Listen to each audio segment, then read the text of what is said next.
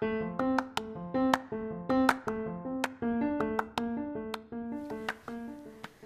datang di podcast gue. Di episode kali ini gue akan sharing tentang faktor yang memotivasi diri. Ada beberapa hal sebenarnya yang memotivasi diri gue. Tapi kalau secara mindset atau prinsip dalam diri gue, gue tipikal orang yang ingin sukses. Ingin banget malah. Tapi kan perspektif sukses menurut orang itu beda-beda ya. Ada yang ingin punya rumah gede ada yang pengen punya uang banyak ada yang ingin punya mobil mewah. Ya banyak lah pokoknya.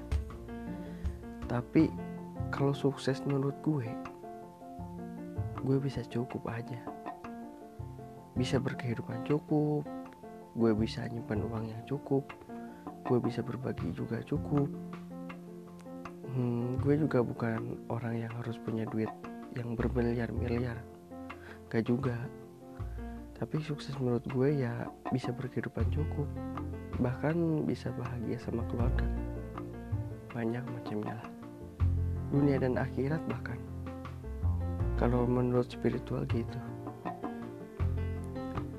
Jadi cara gue mem memotivasi diri satu mungkin meskipun gue masih suka mager malas-malasan gue sangat ingin sekali untuk tidak balas sebenarnya. Jadi kalau gue punya target, punya rencana mau ngapain ke depannya, gue akan coba selesaiin tujuan itu. Kalau gue punya ide, pasti gue langsung kerjain. Dan motivasinya adalah gue akan merasa puas dengan hal-hal yang gue sukain. Karena gak ada paksaan aja, bebas. Kedua, mungkin tanggung jawab. Ini juga penting. Karena apa? Karena ketika kita diberikan tanggung jawab, otomatis kita akan terdorong untuk melakukan untuk ngelakuin apa yang harus menjadi tanggung jawab kita. Apalagi gue, anak cowok satu-satunya. Setidaknya gue harus bisa bikin orang tua gue senang. Faktor ketiga adalah bisa dari lingkungan sih menurut gue ya. Circle lu.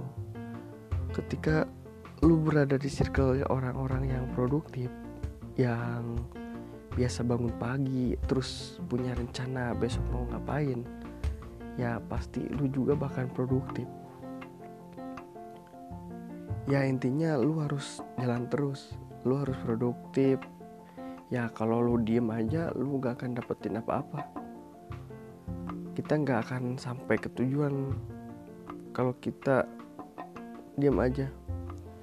Makanya gue saranin buang jauh-jauh penyakit malesnya jangan pernah terpengaruh dengan keadaan lingkungan sekitar yang emang tahu bakalan nggak baik.